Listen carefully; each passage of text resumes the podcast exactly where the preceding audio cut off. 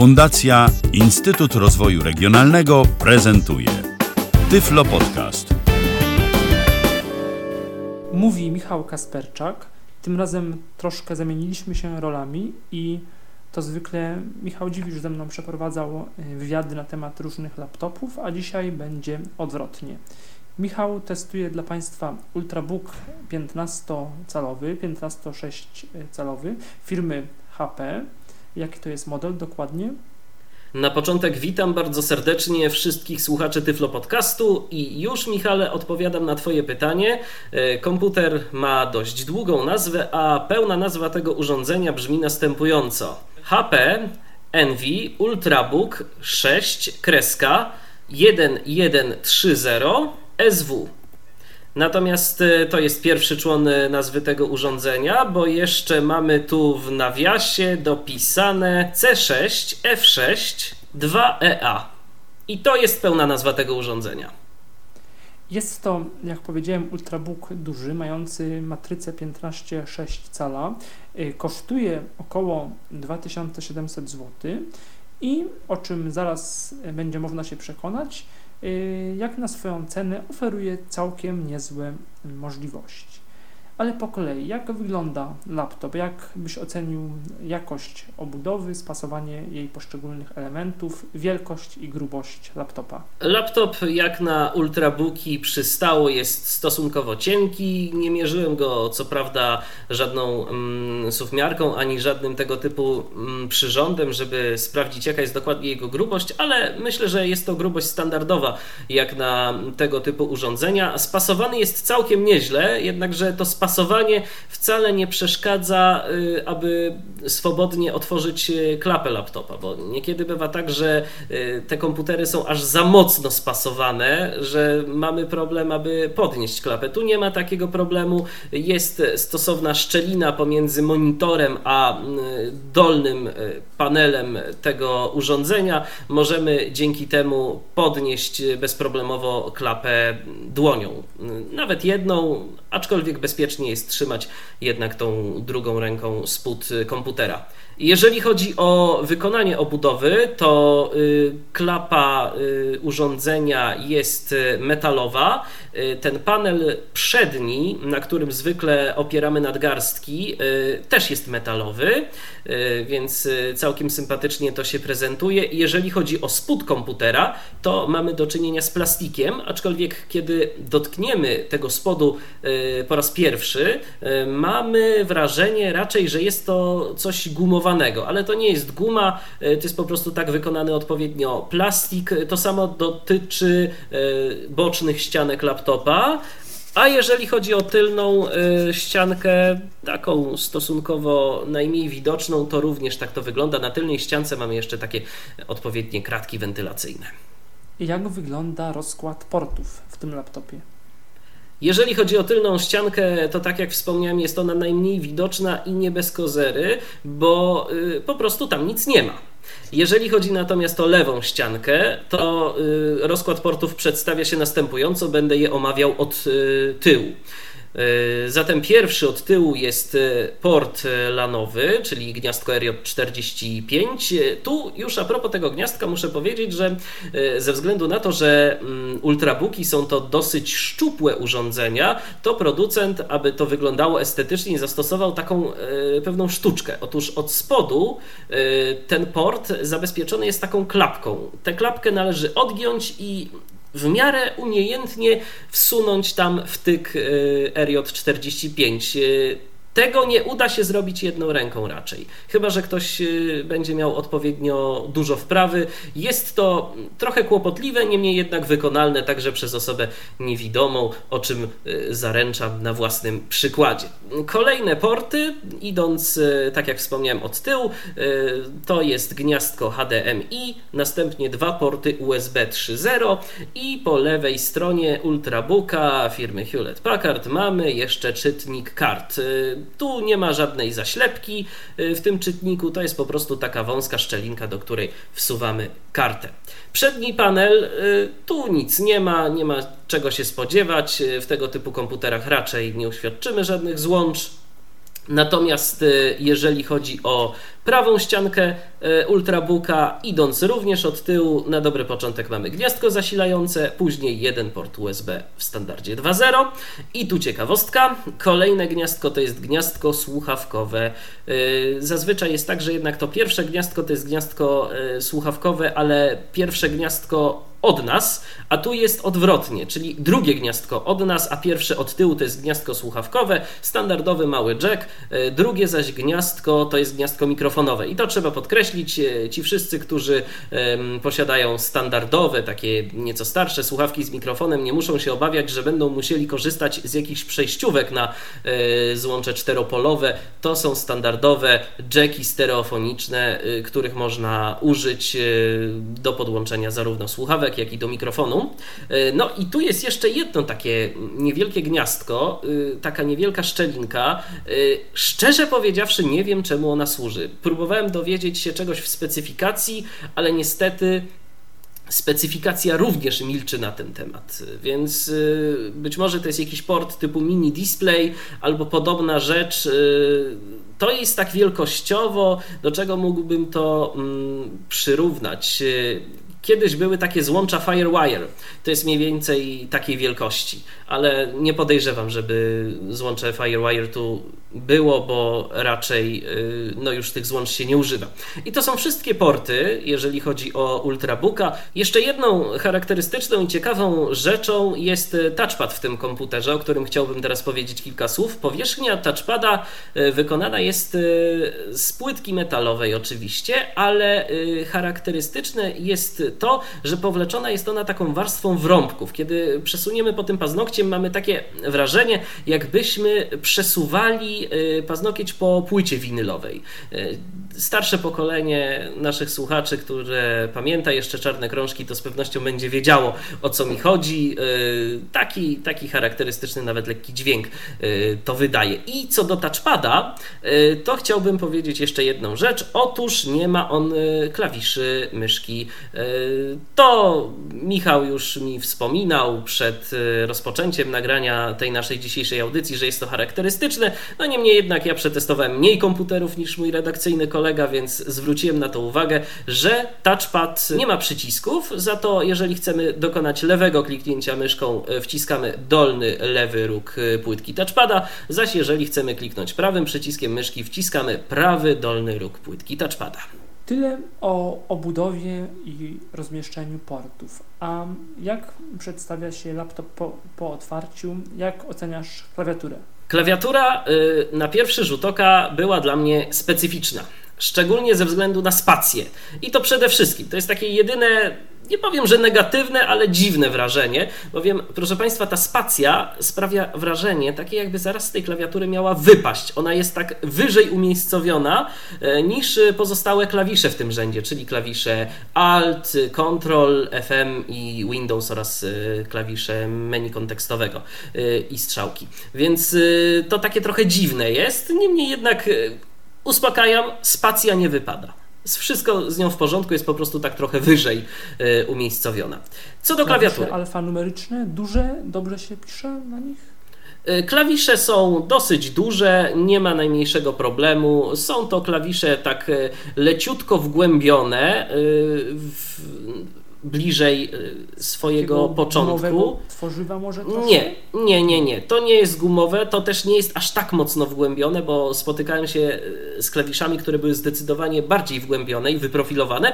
Niemniej jednak y, nie sprawiają one żadnego dyskomfortu, jeżeli chodzi o pisanie. Ja teraz mogę nawet zademonstrować jeszcze przed, e, przed e, jakimiś działaniami e, konkretnymi i opisem dalszym. Ja mogę zademonstrować, jak wygląda pisanie na tej klawiaturze. Jeżeli chodzi o hałas, uruchomimy sobie notatnik.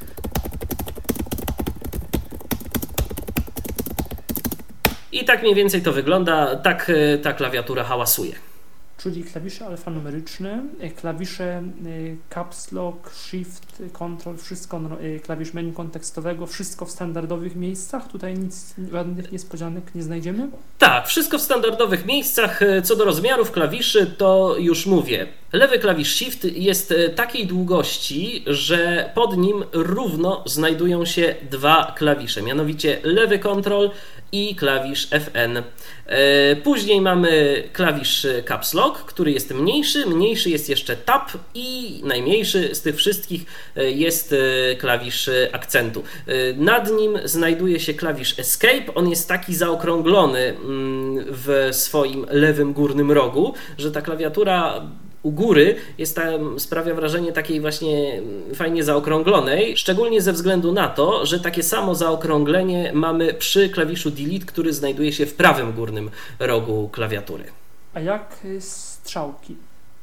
Strzałki y, wyglądają następująco. Lewa i prawa strzałka to są klawisze duże, natomiast strzałka w górę i strzałka w dół to są klawisze do tego stopnia niewielkie, że górna i dolna strzałka y, są na równi z jedną y, z tych strzałek. Można powiedzieć tak, że na grubość tego klawisza to jest strzałka dolna, zarówno jak i strzałka górna, to jest mniej więcej połowa strzałki lewej i prawej, że one tak ładnie do siebie pasują.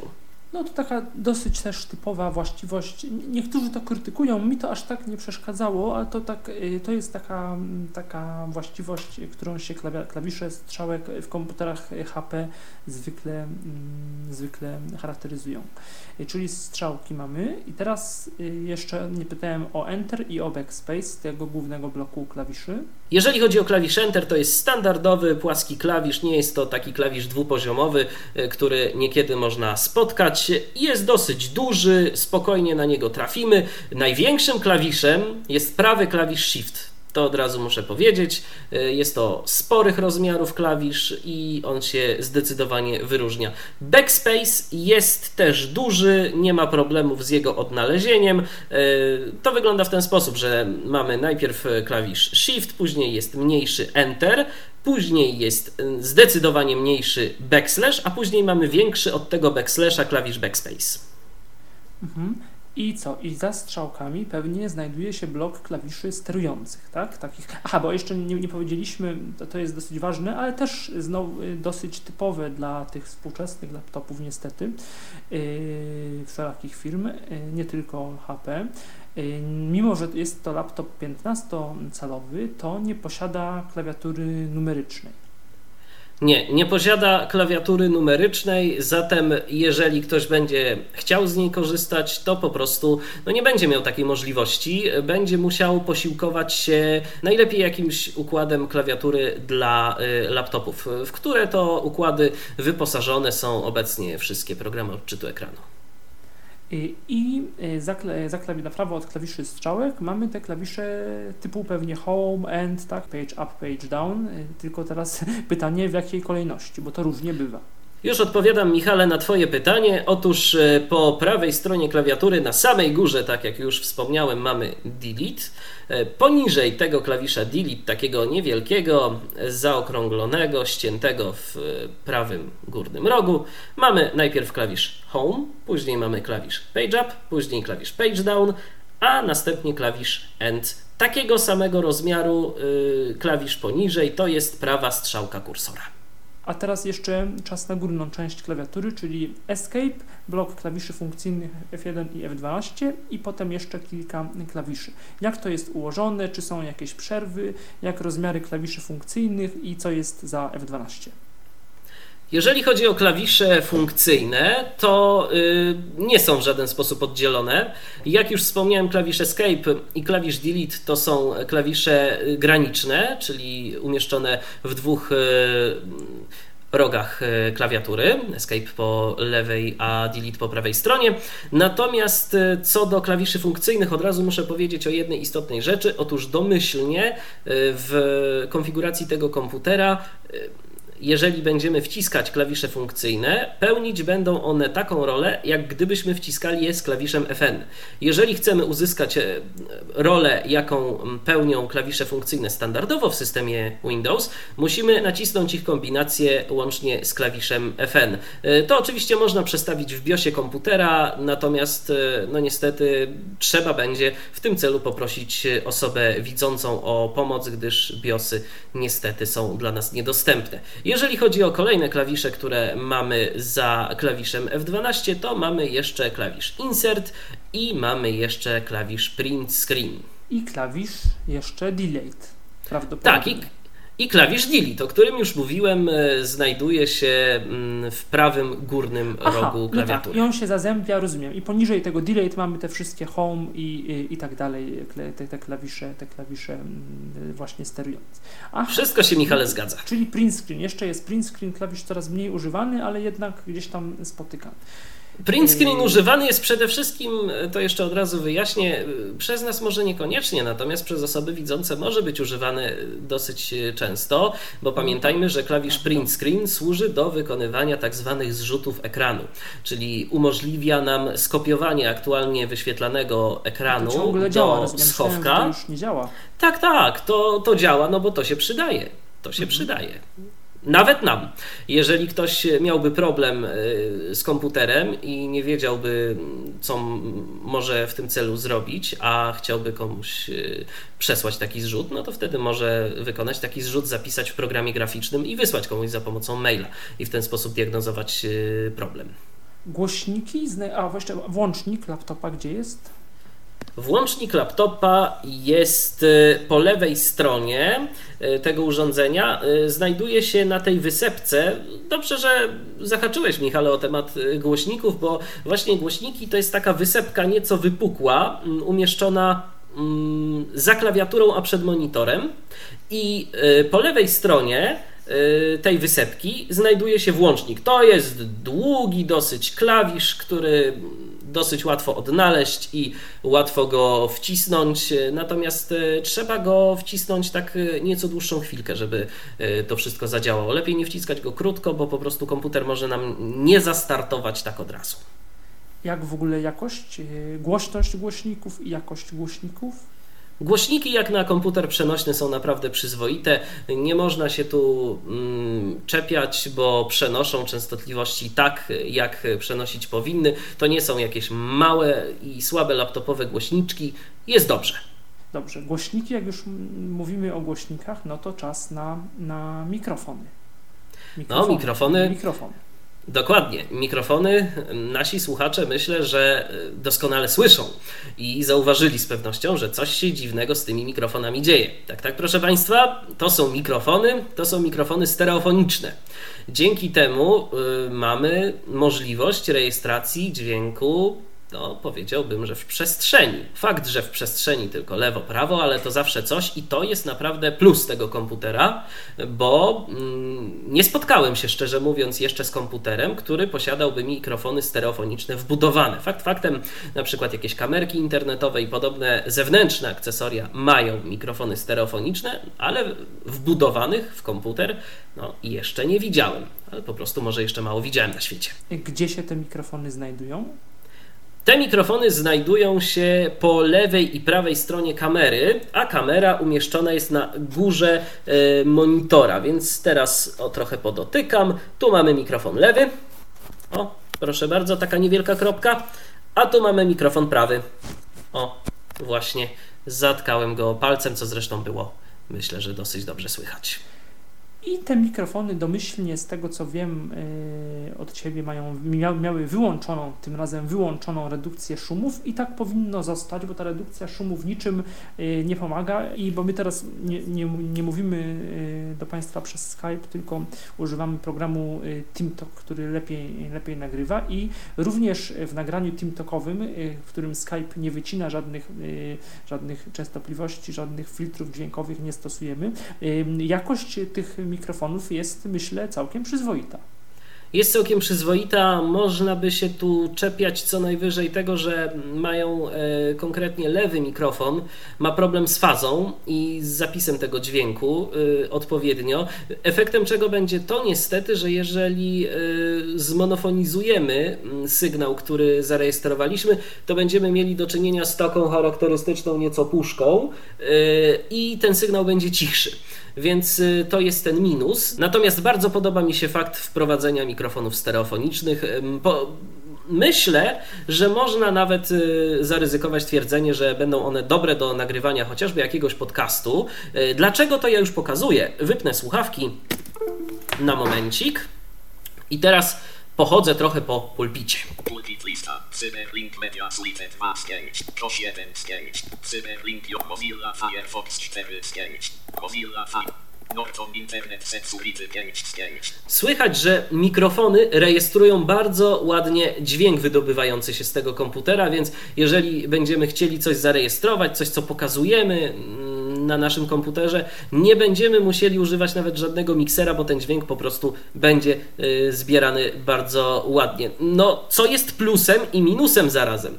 Bo jeżeli chcielibyśmy rozmawiać y, za pomocą jakiegoś y, komunikatora, no to niestety problem jest taki, że mm, nasi rozmówcy będą doskonale słyszeli to wszystko, co my robimy na tym komputerze. No poza Skype'em, który podejrzewam, że może to wycinać. Dobrze, ja podłączę słuchawki. To wszystko zależy od tego, do czego będziemy tych mikrofonów używać. Niemniej jednak no, ta stereofonia i y, dosyć ładne zbieranie dźwięku dla mnie jest y, jednak bardziej plusem niż minusem. A y, można przełączyć te mikrofony w tryb mono, żeby nie było tych problemów z fazą, o których wspominałeś? E, nie, nie znalazłem takiej opcji, żeby można było przełączyć te mikrofony w tryb mono. Natomiast jeżeli nawet przełączylibyśmy e, te mikrofony w tryb mono, podejrzewam, że po prostu mielibyśmy najzwyczajniej w świecie cichy sygnał. Ale ja nie widzę takiej potrzeby, bo Skype sam sobie przełączy w tryb mono, a jeżeli korzystamy jednak mimo wszystko z jakiegoś programu, który jest w stanie wykorzystać te stereofonie, to lepiej jej używać. Przejdźmy teraz do kolejnego etapu omówienia laptopa, czyli do y, hałasu, do kultury pracy. Jak, jak z hałasem i z temperaturą laptopa? No hałas jest.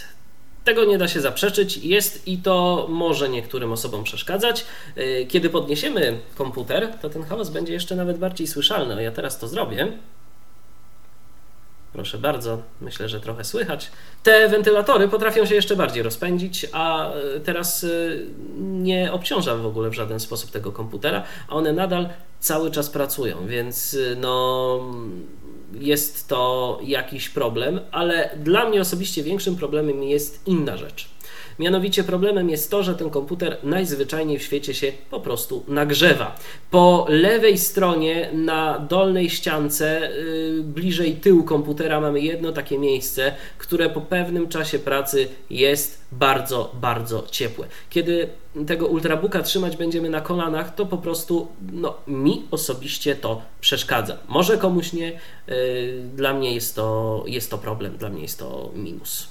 A jak y, praca na akumulatorze? Ile, ile można pracować w internecie? Wyciągniemy z tego komputera około 5 godzin pracy na hmm, akumulatorze. To, nie, to, to, to nieźle. Myślę, że jak na 15-calowy sprzęt, to, to nie, jest, nie jest źle. Nie jest źle. A jak wydajność w ogóle, taka ogólna, ogólna, yy, ogólna praca? Bo to jest system, to jest w ogóle nowy Ultrabook i z tego, co mówiłeś, to jest już system operacyjny Windows 8, tak? Zgadza się, to jest system Windows 8 w wersji Home Premium. Jeżeli chodzi o procesor komputera, to jeszcze dodajmy, że to jest Intel Core i5 1,7 GHz. To jest wersja mobilna oczywiście tego urządzenia, e, przystosowana do komputerów e, przenośnych. Na pokładzie mamy 6 GB pamięci operacyjnej RAM. Możliwość rozszerzenia istnieje do 16 GB tego urządzenia. Natomiast e, jeszcze w komputerze, co mogę dodać, znajduje się dysk magnetyczny o pojemności 500 GB. Mamy jeszcze do czynienia z dyskiem SSD, e, który ma tych gigabajtów 32. To jest, e, tak przypuszczam, że jest to tak skonfigurowane, aby działał ten dysk SSD jako taka baza dla systemu operacyjnego, a pozostałe rzeczy były trzymane na, na dysku magnetycznym. Zresztą zaglądając do nawet. Dostępu nie mamy. Nie, bo to jest y, w, z tego co widzę, przynajmniej w menedżerze urządzeń, widzę tu kontrolery RAID, czyli kontrolery macierzowe, więc to jest jakby spięte w jedną macierz. Mam takie wrażenie, bo nie mamy możliwości y, w ogóle żadnej rozdzielenia tych dysków ani zrobienia z nimi niczego innego. Jeżeli chodzi o partycję, to teraz tak swoją drogą zaobserwowałem taką modę ostatnio, że jak kiedyś było tak, że pojawiała się jakaś jedna niewielka partycja na system operacyjny, druga duża partycja na dane, to tak teraz jest troszeczkę inaczej. I to już widzę w którymś e, z kolei komputerze, że mamy jedną dużą partycję na system i na dane i niewielką partycję, tak zwaną partycję recovery, na której znajdują się wszystkie niezbędne pliki do tego, żebyśmy mogli odzyskać e, system operacyjny bez konieczności posiłkowania się e, dyskami optycznymi, krążkami DVD, tym bardziej, że przypomnijmy, ultrabooki nie posiadają napędów DVD. No niektóre już teraz nawet posiadają, chociaż to taka granica wtedy między ultrabookiem a cienkim komputerem wtedy już się zaciera. Oczywiście klasycznie miało być tak, że ultrabooki miały być bardzo cienkie, bardzo, e, bardzo małe e, i nawet nie, nie, nie mieć takich dużych e, matryc, ale szybko okazało się, że jednak było zapotrzebowanie na komputery z procesorem y, mobilnym, ultrabookowym, y, większe komputery i co niektórzy producenci y, również na mm, napęd płyt w takim laptopie się zdecydowali, ale tutaj nie ma, jak rozumiem. Nie, nie ma.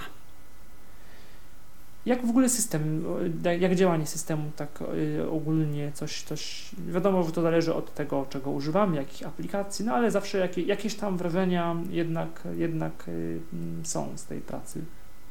System działa dobrze, tu nie ma na co narzekać. Do takiej pracy standardowej, biurowej, e, jak przeglądanie stron internetowych, pisanie dokumentów, e, poczta elektroniczna i rzeczy podobne, czy chociażby rozmawianie na komunikatorach głosowych, tak jak my to w tym momencie robimy, e, no, nadaje się ten komputer bez problemu.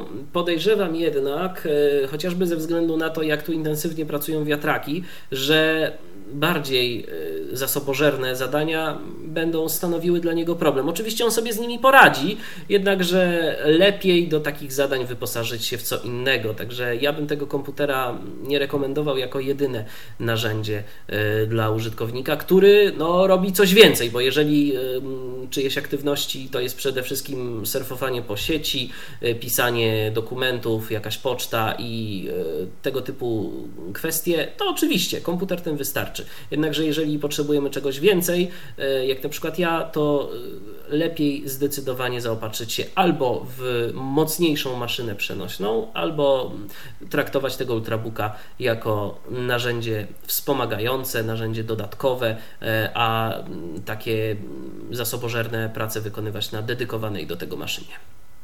A jak zasilacz?